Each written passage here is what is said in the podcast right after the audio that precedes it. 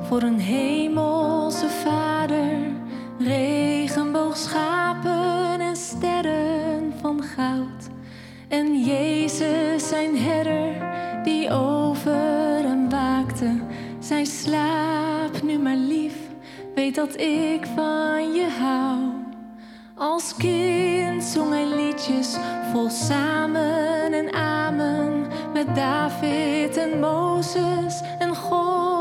God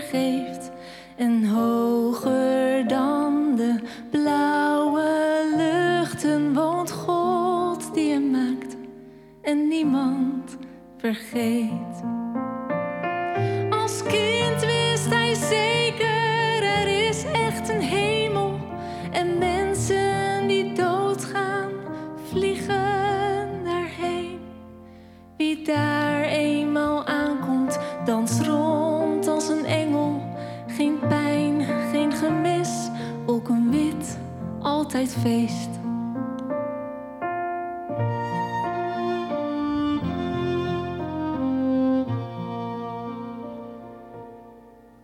De kaarsjes met kerstfeest, de Bijbelverhalen, ze hoorden erbij zonder kritische vraag.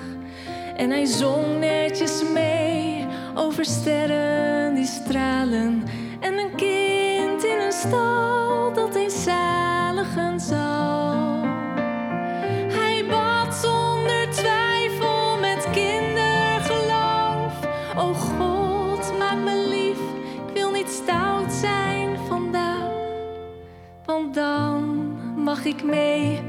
Heeft mama beloofd. Naar opa en oma, en dat wil ik zo graag.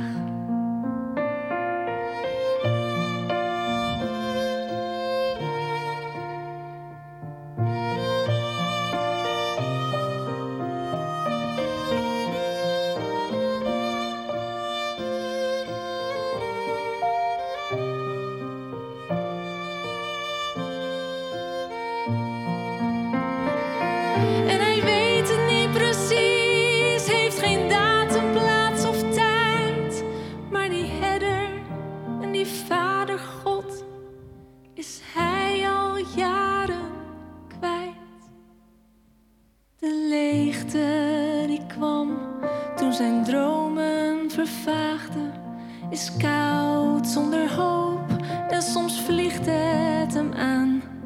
Dan zou hij haast willen, begint zelfs te bidden. O God, zou zo mooi zijn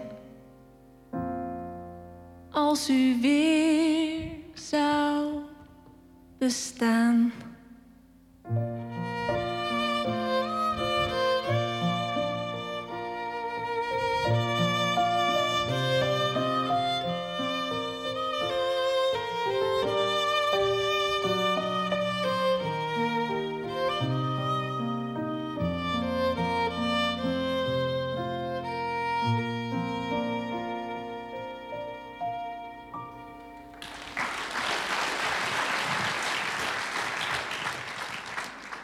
Even slikken. Ja, dat was het nummer Kindergeloof. Prachtig nummer, geschreven door Martin Brandt. En misschien herken je de tekst die net voorbij kwam helemaal niet. Misschien herken je er weinig of niets in, omdat je misschien helemaal niet met het christelijk geloof bent opgegroeid. Misschien herken je hier en daar vaag wat teksten of wat melodie. Wellicht omdat je vroeger op een christelijke basisschool zat... of een vriendje of een vriendinnetje had die naar de kerk ging... of misschien ging je wel eens met je ouders naar de kerk. Het kan ook zijn dat het nummer één en al herkenning voor je was. Zowel de melodieën van de christelijke kinderliedjes... die verborgen zaten in het nummer als ook een groot deel van de tekst die voorbij kwam. En wat ook je vertrekpunt is in het leven, uiteindelijk komt het erop aan welke keuzes je op geloofsgebied natuurlijk zelf maakt als je volwassen wordt. Als je uit een christelijk nest komt, wil dat nog niet zeggen dat je ook automatisch die weg voortzet. Misschien herkende je jezelf wel in dat couplet wat zegt: En hij weet het niet precies. Heeft geen datum, plaats of tijd. Maar die herder en die vader, God, is hij al jaren kwijt. Niet alleen je opvoeding heeft natuurlijk invloed op je wereldbeeld. Maar ook je vrienden, waar je mee omgaat. Je opleiding die je volgt, je studie die je doet. Je ervaringen in het leven spelen allemaal een hele belangrijke rol in wat je gelooft, wat je voelt, ervaart, vindt, denkt, hoe je in het leven staat. Er kunnen verschillende redenen zijn waarom je je kindergeloof achter je gelaten hebt. Of wanneer je niet met het geloof bent opgegroeid, kun je verschillende redenen hebben waarom je het geloof niet overweegt. En er helemaal niet mee bezig bent. In de serie die we vandaag voorlopig afronden, ik zeg voorlopig, deze serie komt steeds opnieuw weer terug, waar de gelegenheid wordt gegeven aan jullie als bezoekers, maar ook als luisteraars of kijkers, om vragen te stellen. In de serie Stel me een vraag. En vandaag gaan we die serie afronden, maar ronden we het af met een aantal vragen die, ja, die aangeven dat geloof voor sommigen een blokkade, het overgaan naar geloof, of het vasthouden van het geloof, of het komen tot geloof, voor sommigen een blokkade, eh, blokkades kunnen zijn om tot die stap te komen. Iemand schrijft: waarom zijn er binnen het geloof zoveel misstanden, zoals oorlog en misbruik? Nou, ik kan me goed voorstellen dat je geneigd bent om af te haken of niet overweegt aan te haken omdat er zoveel niet klopt. Omdat er zoveel niet goed gaat binnen het geloof. En ik beperk me dan maar even tot het christelijk geloof. Er gaat genoeg mis. Waarom zijn er zoveel misstanden? Waarom gaat er zoveel fout? Waarom zijn er zoveel ruzies, scheuringen, splitsingen, oorlogen, onvrede, eh, misstanden, noem allemaal maar op? Binnen kerken en binnen kerkelijke organisaties, binnen het christelijk geloof. De laatste jaren hebben we veel gehoord over misbruik in de katholieke kerk. Maar ook in vele andere kerkelijke stromingen kwamen en komen dingen voor die echt niet door de beugel kunnen. Die niet, soms niet alleen haak staan op Bijbelse uitgangspunten, maar daarbij ook nog eens een keer ehm, leiden tot strafrechtelijke vervolging. Zulke ernstige dingen komen voor. Binnen het christelijk geloof bewegen eigenlijk twee groepen mensen, zou je kunnen zeggen, heel grof ingedeeld. En die beide groepen dragen bij aan, het, ja, aan die dingen die eigenlijk haak staan op de Bijbelse uitgangspunten. En een derde groep is er niet, dus eigenlijk iedereen die daar onderdeel van uitmaakt, draagt daar soms aan bij. Ten eerste heb je mensen die zeggen te geloven. Maar waarvan geloof, volgens wat de Bijbel dan als geloof definieert, in werkelijkheid eigenlijk helemaal geen sprake is. Ze zijn op zijn hoogst religieus. Of hebben iets of geloven dat er meer is tussen hemel en aarde. En dat is prima startpunt om hier te komen bij Upstream en meer te ontdekken. Dat, dat willen we juist heel graag met mensen in contact komen die misschien wel religieus zijn, geloven dat er meer is tussen hemel en aarde kerkelijk zijn, maar sommige mensen die in die fase zijn, willen helemaal niks anders. Zoeken helemaal niks anders en blijven waar ze zijn en vinden dat oké. Maar dat is eigenlijk niet wat geloof inhoudt. Toen Jezus op aarde rondliep, zei hij: Aan hun doen en laten kunt u zien wat zij zijn. Zoals men een boom kan herkennen aan zijn vruchten. U hoeft aan doornstruiken geen druiven te zoeken en aan distels geen vijgen. Jezus zegt dus, geloof, echt geloof, wat een verrijking is ook voor je eigen leven en voor je omgeving, wordt zichtbaar in je doen en laten. Aan de vruchten herken je de bomen. En ook de broer van Jezus, Jacobus, gebruikte woorden van gelijke strekking. Hij zei: Het is wel duidelijk dat geloof alleen, of eh, zeggen dat je gelovig bent bijvoorbeeld, niets te betekenen heeft. U moet het ook laten blijken uit wat u doet. Geloof dat niet uit daden blijkt, is geen geloof. Het is dood en zinloos. Het zijn vrij harde woorden die Jacobus spreekt. En niet dat hij het mensen niet gunt die in die fase zitten. Maar heel veel mensen willen niet uit die fase komen, maar noemen zichzelf wel gelovig. En worden ja, door mensen die helemaal daarbuiten staan ook gezien als onderdeel van de kerk of van de gelovigen. Het geloof wordt dus niet zichtbaar door dat je thuis een Bijbel hebt liggen. Niet door hoeveel je aan de kerk geeft of financieel steunt. Niet hoe vaak je zelfs een kerk bezoekt. Niet door oorbellen of kettingen met een kruis eraan. Allemaal prima, niks mis mee. Maar het zegt nog niets over geloof vanuit Bijbels perspectief. Geloof dat zichtbaar wordt door eigenlijk iets heel anders. Een zekere Paulus, hij was kerkstichter in de eerste eeuw na Christus, spreekt over welke vrucht oprecht geloof voort zou moeten brengen. Wat, wat werkelijk geloof eigenlijk kenmerkt. En hij zegt het zo: hij zegt de vrucht van de geest. En de geest staat eigenlijk voor de, op, de verbondenheid tussen de mens en God die vanuit oprecht geloof ontstaan. Hij zegt de vrucht die dat voortbrengt, de vrucht van de geest, is echter liefde, blijdschap, vrede, geduld, vriendelijkheid, goedheid, geloof, wat eigenlijk staat voor vertrouwen, zachtmoedigheid, zelfbeheersing. Er zijn dus mensen die zeggen te geloven, maar, maar waarbij weinig of niets van deze vrucht zichtbaar is. En in een aantal gevallen zelfs het tegenovergestelde zichtbaar is. En op die manier wordt het geloof ongeloofwaardig. En eigenlijk ook onaantrekkelijk. En misschien heb jij ook, zoals je hier zit of zoals je kijkt of de podcast luistert, is dat ook jouw ervaring? Dat je mensen ziet bewegen die zeggen gelovig te zijn, maar my goodness, wat doen ze allemaal? De tweede categorie is nog iets complexer.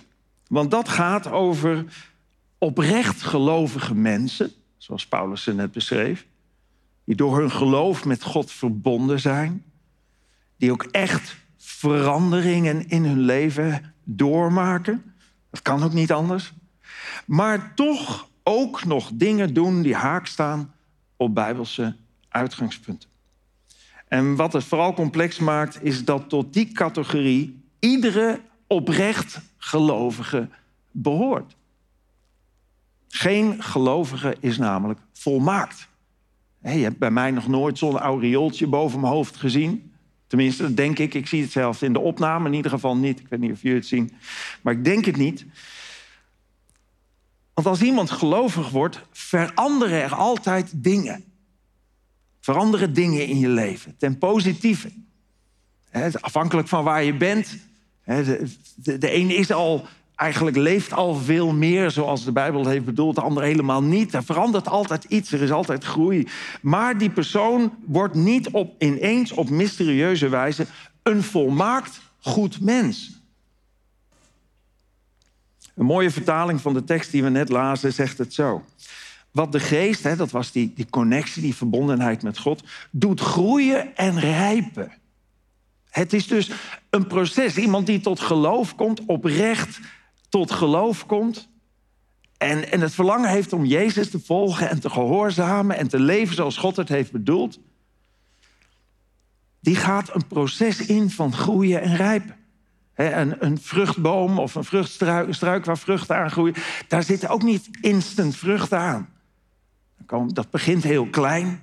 We hebben in de tuin een vijgenboom staan. Nou, dat boom, zo is die nog maar. Daar komen dan van die hele kleine vruchtjes en dat groeit.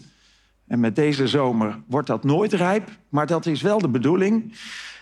Wat de geest doet groeien en rijpen, dat proces, is dan liefde, vreugde, vrede, geduld, vriendelijkheid, goedheid, vertrouwen, zachtmoedigheid, zelfbeheersing. En er is nog wel meer te noemen. En dan gaat die tekst verder. Wie Christus Jezus toebehoren, dus door Jezus met God verbonden zijn, hebben hun zondige aard met zijn hartstochten en verlangens aan het kruis geslagen. Er staat niet dat die zondige hartstochten en verlangens en die zondige aard en die neiging om dingen te doen die buiten de kaders van Gods liefde gaan, dat dat in één keer weg is. Nee, er staat dat ze die hebben gekruisigd, aan het kruis geslagen. En de kruisiging, een Romeinse doodstraf, staat voor een langzame dood. Dat is een van de grootste martelingen die je mens kunt um, aandoen. Dus deze mensen die in die tijd leefden en die dit lazen, begrepen waarover een kruisiging ging. Dat is een kenmerk van een gelovige dat ze hun zondige aard met zijn hartstocht en verlangens aan het kruis hebben geslagen, waardoor het een langzame dood sterft. En hoe sneller, hoe beter uiteraard, maar eigenlijk kom je altijd leven tekort om alles onder controle te krijgen. Maar betekent niet dat ze ineens weg zijn, die verlangens en die begeerten en ook niet de dingen die je niet goed doet.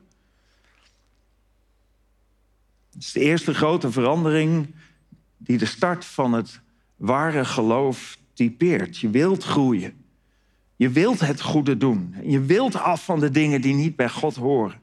Je wilt liefdevol zijn. Je wil meer op Jezus lijken. Niet uit slaafse gehoorzaamheid, maar uit dankbaarheid voor dat wat God je geeft.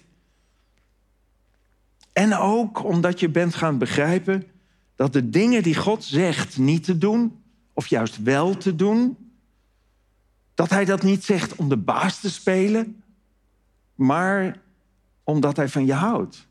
En omdat God weet wat goed voor je is, waar je gelukkig van wordt waar je omgeving gelukkig van wordt. God weet het beste wat goed voor ons is. En dat veranderen is een weg van vallen en opstaan. Zo ervaar ik dat dagelijks. En dat geldt, denk ik, voor iedere gelovige. Ik ben ook lang niet altijd een reclame voor het christelijk geloof. Dat wil ik wel, dat wil ik heel graag zelfs.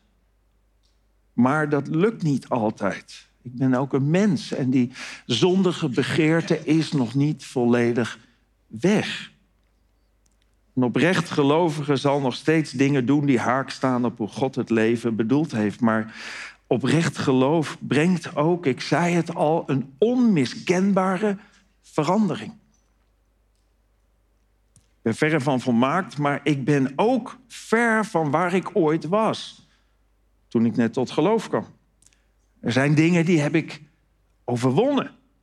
Er zijn ook dingen waar ik van tijd tot tijd nog mee worstel. En als ik daar fouten in maak, heb ik daar spijt van.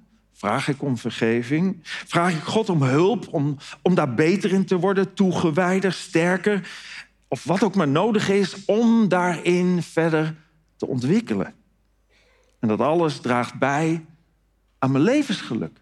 Ik word er een gelukkiger mens van als ik daarin groei. En mijn omgeving wordt daar gelukkig van. Het draagt niet bij mijn redding. Er zijn een heleboel geloven die zo werken. Eigenlijk is christelijk geloof het enige geloof waarbij, wanneer je tot geloof komt, alles hebt ontvangen wat je kunt ontvangen. Het is niet een, belof, een beloningssysteem. Je hele leven je best doen en hopen dat het allemaal goed komt. Nee, het begint met de beloning. Het begint met de zekerheid en hoop voor de toekomst en rust en vrede in je leven. En daarna mag je verder groeien. Voor geen goud van de wereld zou ik weer terug willen naar een leven zonder God, omdat dat een leven is zonder hoop, zonder het kennen van echte liefde, zonder de handvatten die God aanreikt om in het leven hier en nu gelukkig te kunnen zijn, zelfs ondanks soms negatieve omstandigheden, is een leven met God een leven waar je geluk kunt ervaren. Het laatste couplet van het nummer Kindergeloof zegt: De leegte die kwam toen zijn dromen vervaagden. Het is koud, zonder hoop en soms vliegt het hem aan. Dan zou hij zelfs willen, begint zelfs te bidden. O God, het zou zo mooi zijn als u weer zou bestaan. Dus aan de ene kant zie je dat enorm verlangen naar die hoop en rust en vrede. En dat geldt voor ieder mens, of je nou wel of niet met geloof bent opgegroeid. En aan de andere kant de invloed van de wereld, van de maatschappij, van, van, van de wetenschap, die beweert dat, dat alles vanzelf kan zijn, ontstaan en God niet nodig is, waardoor je het misschien terzijde schuift. Of het zien van mensen die gelovig zijn en in jouw ogen helemaal niet doen wat eigenlijk goed is. De tegenstander van God doet niets liever dan je beroven of je afhouden van een relatie met God. De leegte die kwam toen zijn dromen vervaagden. Deze leegte zoeken we op te vullen, maar niets werkt. We ervaren die leegte in ons leven. Maar niets werkt om het op te vullen. Ach, wel even. We kunnen wel even weer vooruit als er iets nieuws is en iets aantrekkelijks gebeurt of een perspectief is. Maar steeds opnieuw merken we dat de houdbaarheid van dat geluk zo kort is. Het is koud zonder hoop, zei de tekst, en soms vliegt het hem aan. Steeds meer mensen leven door alle blokkades die er worden opgeworpen door het kwaad, de tegenstander van God. Steeds meer mensen leven zonder God. Steeds meer mensen zakken weg in een depressie. Steeds meer mensen, met name jongeren, geven zich over aan de een of andere manier van verdoving, omdat het leven soms zo uitzichtloos en pijnlijk is. Steeds meer mensen ervaren geen hoop. En steeds meer stappen zelfs actief uit het leven. En daar zien we een enorme toename, juist onder jongeren die geen hoop meer hebben. Het is koud zonder hoop, zegt de tekst. En misschien herken je dat wel. En door de hele Bijbel heen klinkt Gods oproep: laat je niet gevangen houden in al die blokkades die het kwaad opwerpt. Maar kom bij mij. Voor het eerst.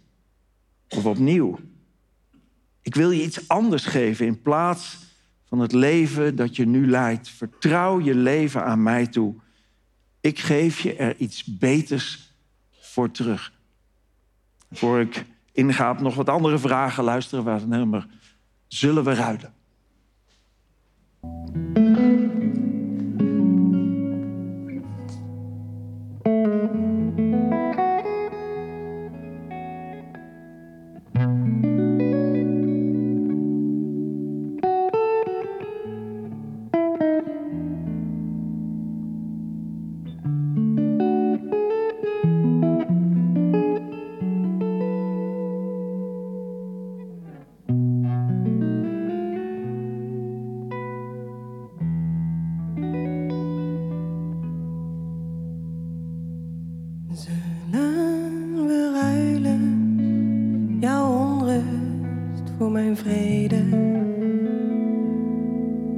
Deliver.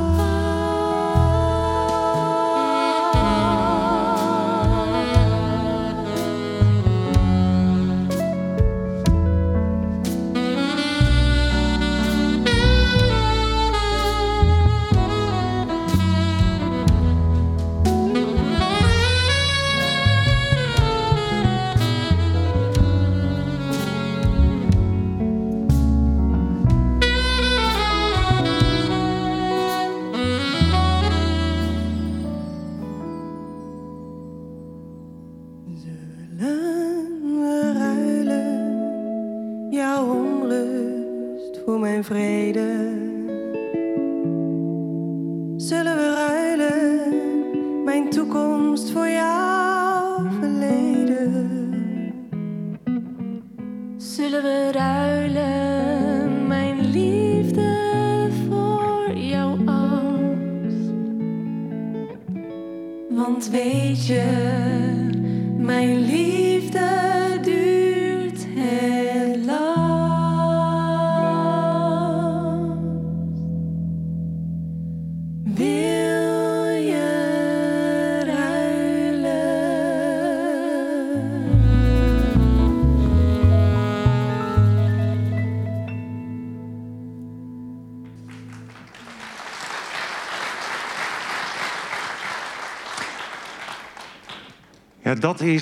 wat ik zei, wat God door de hele Bijbel heen zegt.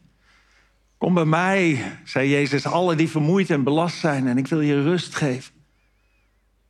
Ik wil iets anders geven in plaats van de dingen waar je tegenaan loopt. En het aanbod is aantrekkelijk, maar het kwaad blijft blokkades of bedenkingen opwerpen. Iemand vroeg online: In zes dagen heeft God de hemel en de aarde geschapen. In zes seconden hebben Satan en de mens deze schepping verknoeid. God is nu al ruim 6000 jaar bezig om zijn werk te herstellen. Waarom moet dit zo lang duren? Is Satan op dit punt soms machtiger dan God? Nee, Satan, de tegenstander van God, is niet machtiger dan hij. Het is pure genade dat God de volgende fase in zijn plan nog uitstelt. En niet afrekent met al het kwaad in deze wereld, wat wel gaat gebeuren. Petrus, een discipel, een leerling van Jezus, schreef: De Heer is niet traag met het nakomen van zijn belofte. En niet alleen nu leven die vragen, maar 2000 jaar geleden leefde die vraag ook al. Omdat de belofte al zoveel langer stond. Dat Jezus zegt: Ik maak alles nieuw. Maar hij zegt: De Heer is niet traag met het nakomen van zijn belofte, zoals sommigen menen. Hij heeft alleen maar geduld met u, omdat hij wil dat iedereen tot inkeer komt en niemand verloren gaat. Verlangen van Gods hart, wat hier doorspreekt.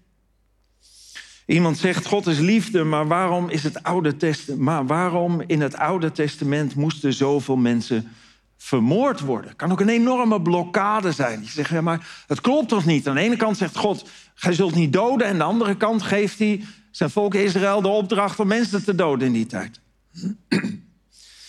nou, voor een uitgebreid antwoord daarop, want dat vraagt een uitgebreid antwoord, wil ik je graag verwijzen naar de serie Lees geen Bijbeltekst.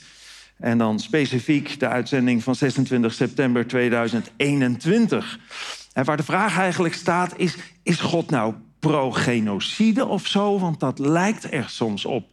Nou, niets is minder waar, maar misschien voor de vraagsteller wil je daar eens naar kijken.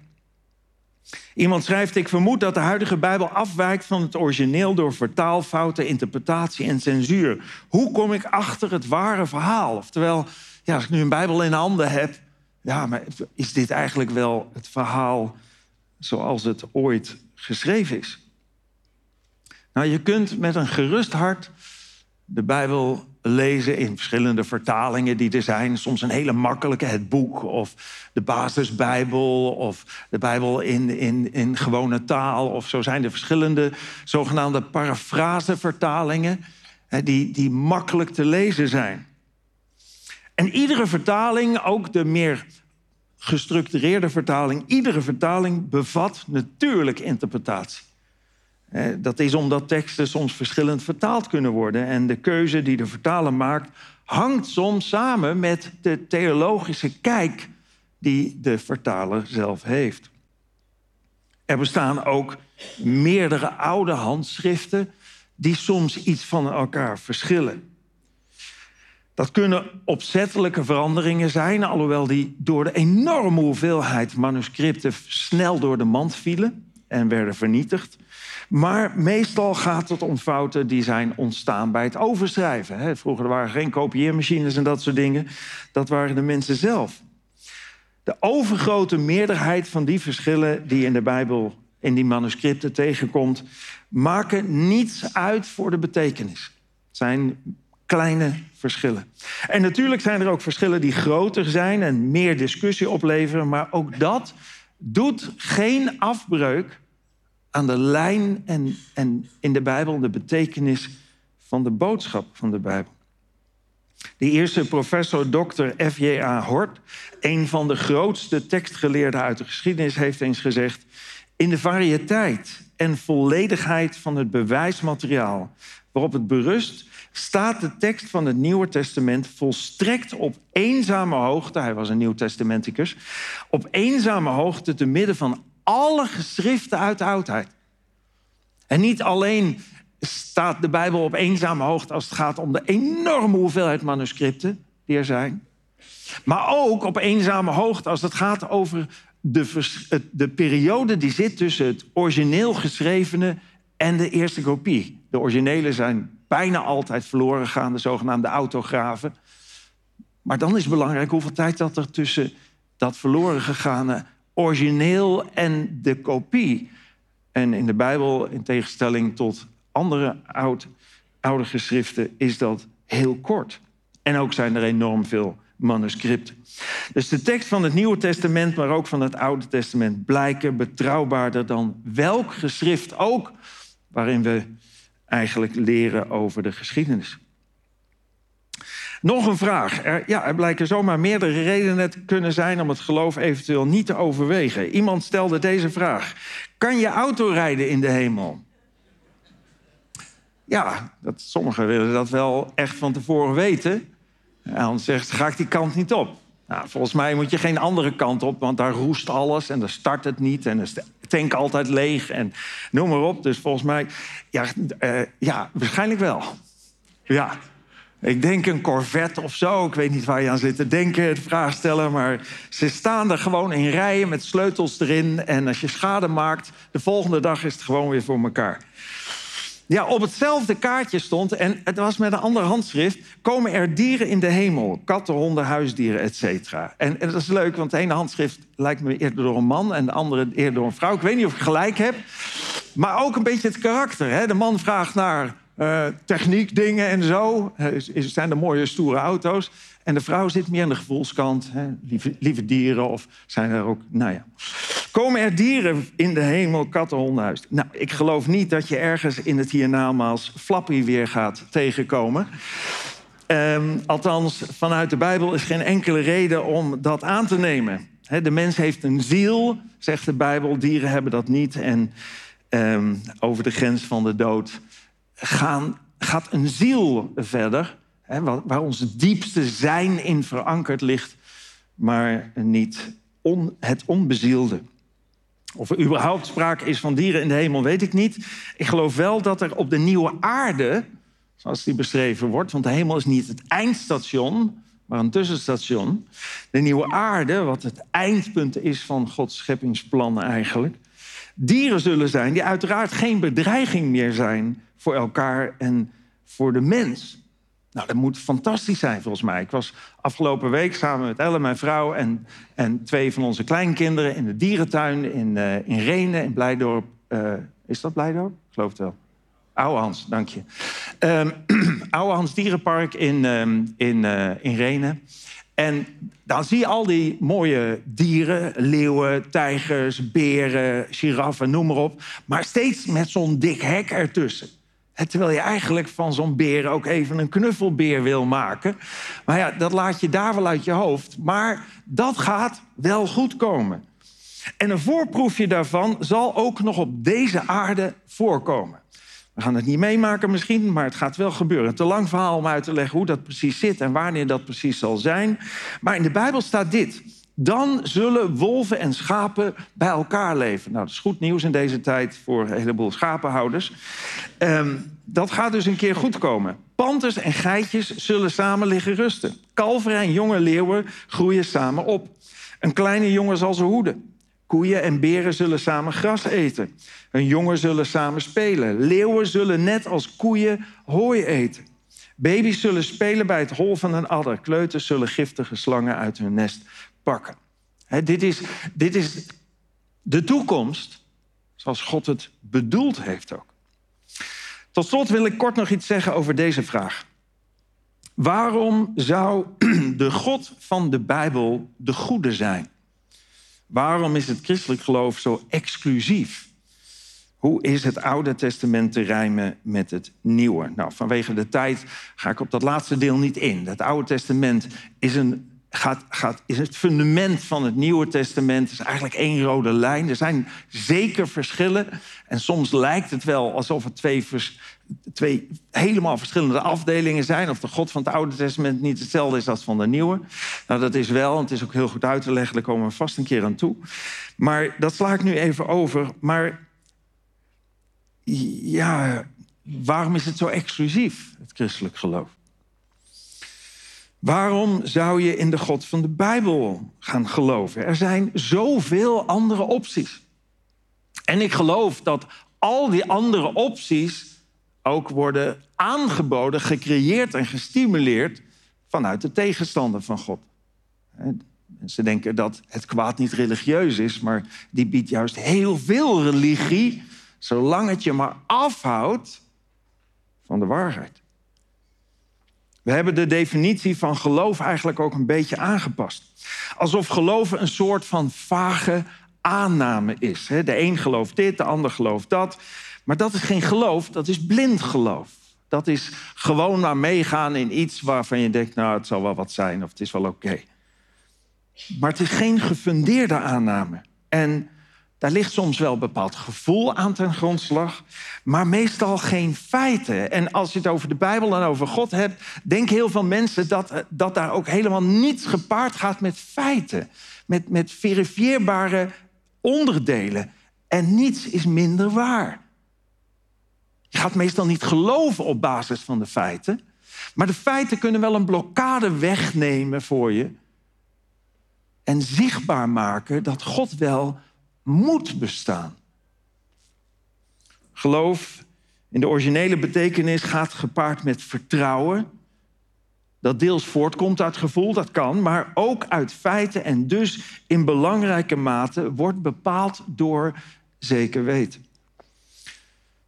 De beroemde Franse wis- en natuurkundige Blaise Pascal zei ooit: Het christelijk geloof is het enige geloof dat zowel de menselijke reden, het, ons verstand, ons logisch denken, als het menselijk gevoel, ons emotie en, en onze gevoelens echt bevredigt. Het geeft een plausibele, een aannemelijke verklaring van het menselijk leven en bovendien beantwoordt het aan de diepste impulsen van de mens. Het, het, het, het geeft ons op alle terreinen, zowel man als vrouw, Ondanks het feit dat mannen sterker rationeel ontwikkeld zijn, vrouwen sterker emotioneel ontwikkeld zijn, het geeft op alle terreinen die bevrediging en die invulling waar we ten diepste naar op zoek zijn. De Britse schrijver en letterkundige professor C.S. Lewis zei ooit: Ik geloof in het christendom. Hij kwam op latere leeftijd tot geloof vanuit verstokt atheïsme. Ik geloof in het christendom zoals ik geloof dat de zon is opgekomen. Niet alleen omdat ik het zelf zie, maar omdat ik daardoor al het andere zie. Het maakt alles voor me duidelijk. En God zei bij monden van de profeet Jeremia: Wie mij met hart en ziel zoekt, zal mij vinden. En waarom is dat zo?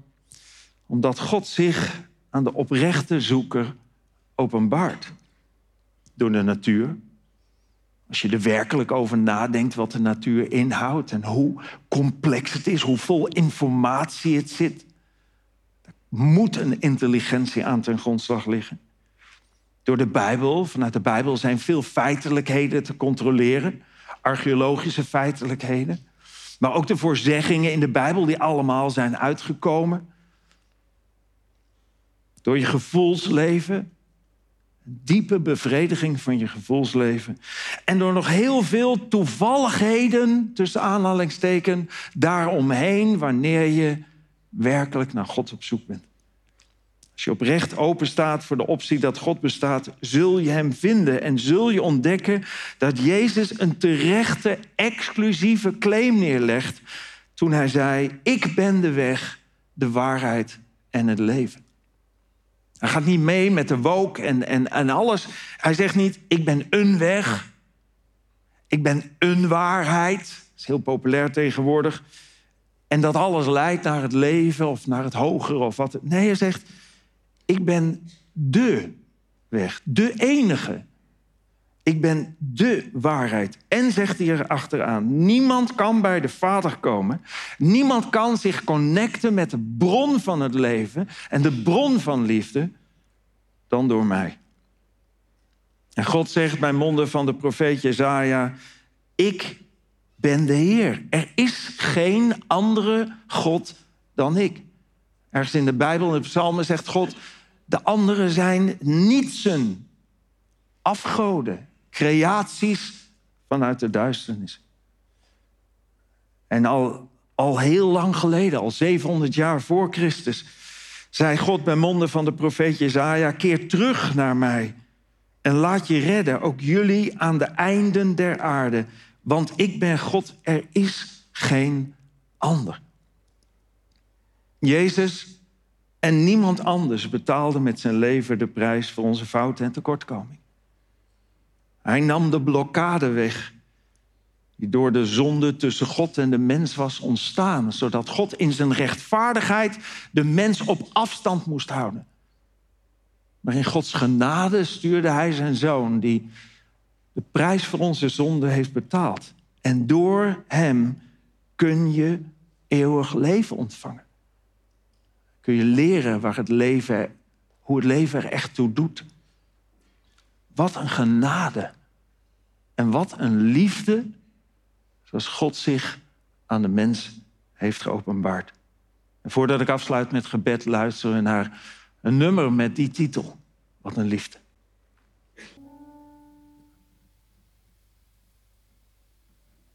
Wie had ooit kunnen bedenken dat liefde zo ver zou gaan? Hoe meer ik het me laat bezinken, hoe meer het mij verbaast. Ik had niets en u had alles, toch heeft u met mij gereld. Waarom liet u mij niet vallen? Wat een liefde.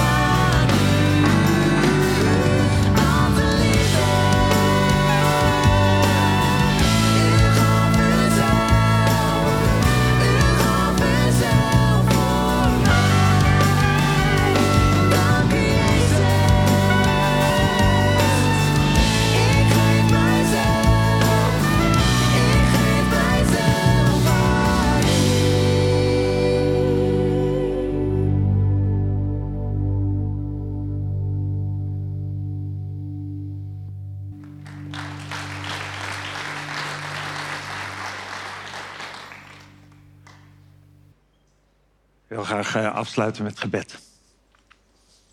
Heer God, ik wil u zo danken voor die grote liefde. U zo danken, Heer Jezus, dat u naar deze wereld kwam. Niet omdat het moest, maar omdat u ervoor koos. Dat u bereid was om uw leven op te offeren.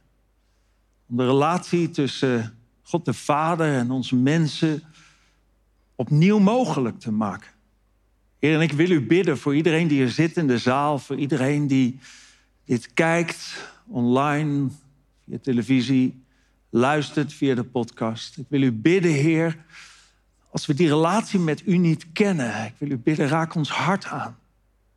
Dat we op zoek zullen gaan. Heer, het is zo uw verlangen om die relatie met ons te hebben. U heeft er alles voor gegeven. En ik wil u um, danken voor alles wat u in levens van mensen wilt doen. Heer, u verandert mensen. U heeft mijn leven veranderd. Zoveel levens veranderd van mensen die ik ken. U heeft huwelijken tot heelheid gebracht. Gezinnen bij elkaar gebracht. Heer, niet alles gaat goed op deze wereld. We leven nog op een gebroken wereld. We zijn nog steeds onvolmaakte mensen, maar dank u wel dat u ons wilt leiden en wil helpen om te groeien en een mooiere mensen te worden, meer naar uw beeld. Heer, dat gunnen we iedereen zo enorm. Heer, wilt u ons hart aanraken? Dat bid ik u in Jezus' naam. Amen.